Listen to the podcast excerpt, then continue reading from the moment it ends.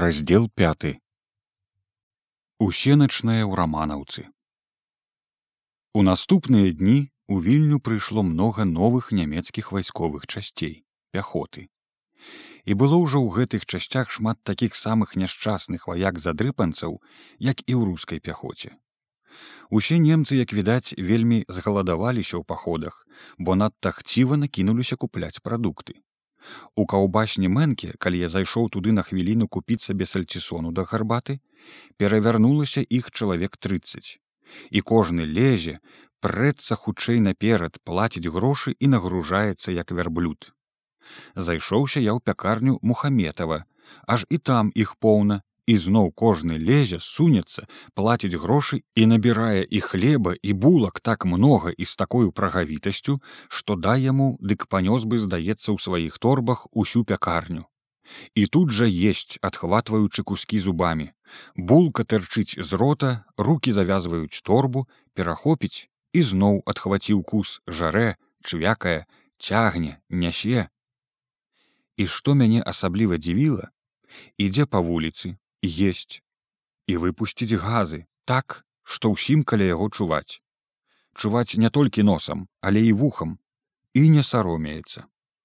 Спачатку здавалася гэта мне салдацкім свінствам а потым бывалыя людзі сказалі што ў нямметчыне робяць так на вуліцы калі трэба самыя культурныя абывацелі бо шкодна для здароўя затрымліваць газы. Дагэтуль не ведаю ці гэта праўда ці гэта казалі мне каб пасмяяцца. І вельмі хутка па іх прыходзе паліцы ў магазинах пачалі пусцець. Змялі як мятлою а цэны на прадукты падскочылі ўдвая ў параўнанні з цэнамі што былі перад адходам рускіх. Багатыя людзі пэўна ж паспелі зрабіць сабе загадзя вялікія запасы.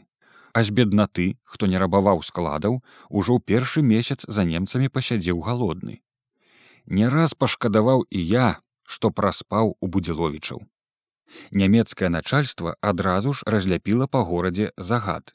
Зброю рэвальверы шашкі бомбы і всякую іншую калі ў каго ёсць безадкладна здаць у нямецкую камендатуру. А не здасі дык будзе круто польскія патрыёты былі вельмі збянтэжаны я памятаю як адзін тоўсценькі пан у паліце пашытым як кунтушык з бамбуковым кіёчкам і ў замшавых пальчатках чытаў гэты загад на дошцы каля кіёска што на рагу віленскай вуліцы і юраўскага праспекта. Чытаў чытаў і забурчэў быццам жартуючы. Зброю здайце апалкі калі хочаце возьміце і пастукаў сваім бамбучком аб тратуар у бяссільнай злосці хадзіць па вуліцах пазней дзясятая гадзіны ўвечары было забаронена Праўда што пад страхам вельмі малога штрафу. Але досыць было каму спазніцца хоць бы на некалькі хвілін як патрулі з нямецкаю акуратнасцю лавілі і гналі на ўсю ноч да раніцы ў раманаўскую цэркву на пагулянцы. Праз пару дзён як яны прыйшлі папаўся на гэтай іх акуратнасці і я гадзіне а сёмай увечары як звычайна забегшыся ў свой пакойчык каб узяць хлеба ішоў я в адну танную сталоўку на віленскай вуліцы. На рагу завальнай і пагулянкі нагнаў мяне дядзька туркевич ён оказывается паспеў ужо дома перакусіць і некуды ізноў спяшаўся. А кажа вось добра што і ты мацейка подвярнуўся мне жонка сказала што па мяне прыходзілі хадзем адчыняць клуб які клуб дзе? Что наш клуб свой рабочы. Ну пранзей пранзей я ж есці хачу да ядальні іду. А ніц смачней звячэраеш. І пацягнуў падхапіўшы под руку дарогаю ён мне вытлумачыў што дом на вароней вуліцы у якім мясціліся палескі клуб і руская жаночая прагімназія прозарова стаіць цяпер пусты кінуты. Дык вось хтосьці з нашых рабочых надумаўся забраць яго пад рабочы клуб пакуль немцы ў горадзе добра не разгледзеліся. Думка мне спадабалася. Хоць да адчынення клуба на якое пацягнуў мяне вечны энтузіяст дядзька туркевич было яшчэ далёка Прыйшлі мы на варонію ў гэты клуб, калі там нікога яшчэ не было. пахадзілі па пустых пакоях памеркавалі як добрыя гаспадары дзе тут што ў нас будзе і пайшлі пакуль падыдуць другія пасядзець у вяршбіцкага. Даўно я не бываў у дзядзькі вяршбіцкага даўно яго не бачыў.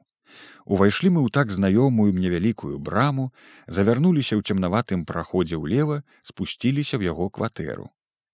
І ён і ўся сям'я былі ў дому сам троху пастарэў быў нейкі маўклівы але прывітаў нас радасна. Пасядзелі пагаманілі.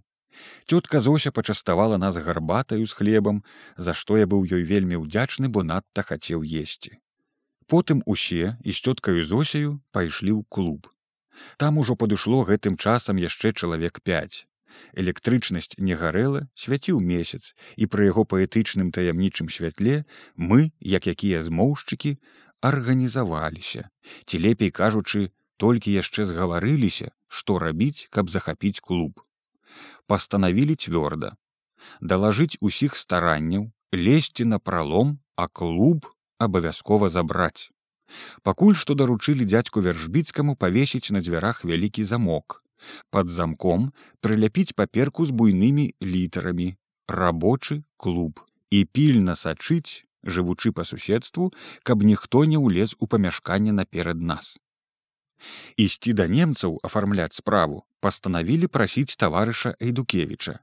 Самога яго на першым сходзе не было, а ён умеў па-нямецку, быў чалавек настойлівы і ведалі яго рабочыя як чалавека пэўнага яшчэ з 1905 года заседзеліся загаманіліся строілі розныя планы дзяліліся навінамі аж нехта раптам кажа успомніўшы ой браточки ратуйся хто можа зараз 10 гадзін усе хутчэй да хаты. Я дайшоў з дядзькам туркевічам да яго кватэры. Ён кажа ідзі мацейка начаваць да мяне калі не хочаш адбыць усеначную ў раманаўскай церкві дабягу кажу не паслухаў яго пабег бягу бягу вось ужо і моя кватэра аж бачу сунецца нямецкі патруль. Прыліп я да брамы суседняга дома а на катедры блям блям блям. І адблямкала дзесяць разоў. Я ж думаў, што патруль увесь тут. Прайшло міма мяне трох немцаў з карабінамі мяне не заўважылі я паціханьку высунуўся ды ля сценкі ля сценкі бачком бачком скарэй да свае брамы. Хальт! Як з неба зваліўся чацверты немец. Подбег да мяне і цап за плячо каб ты здох. Як не тлумачыў яму што вось жа моя кватэра. Не. Завярнуў і павалок з сабою. Зараз ён свіснуў падышло тых трох і аднаму з іх даручыў гэты відаць старшы гнаць мяне ў раманаўку. Прывёў ён мяне упусцілі зачынілі гляджу там ужо ёсць чалавек трыццаць ці болей і нават некалькі жанчын. Светла ў церкві ад электрычнасці як на вялікдзень.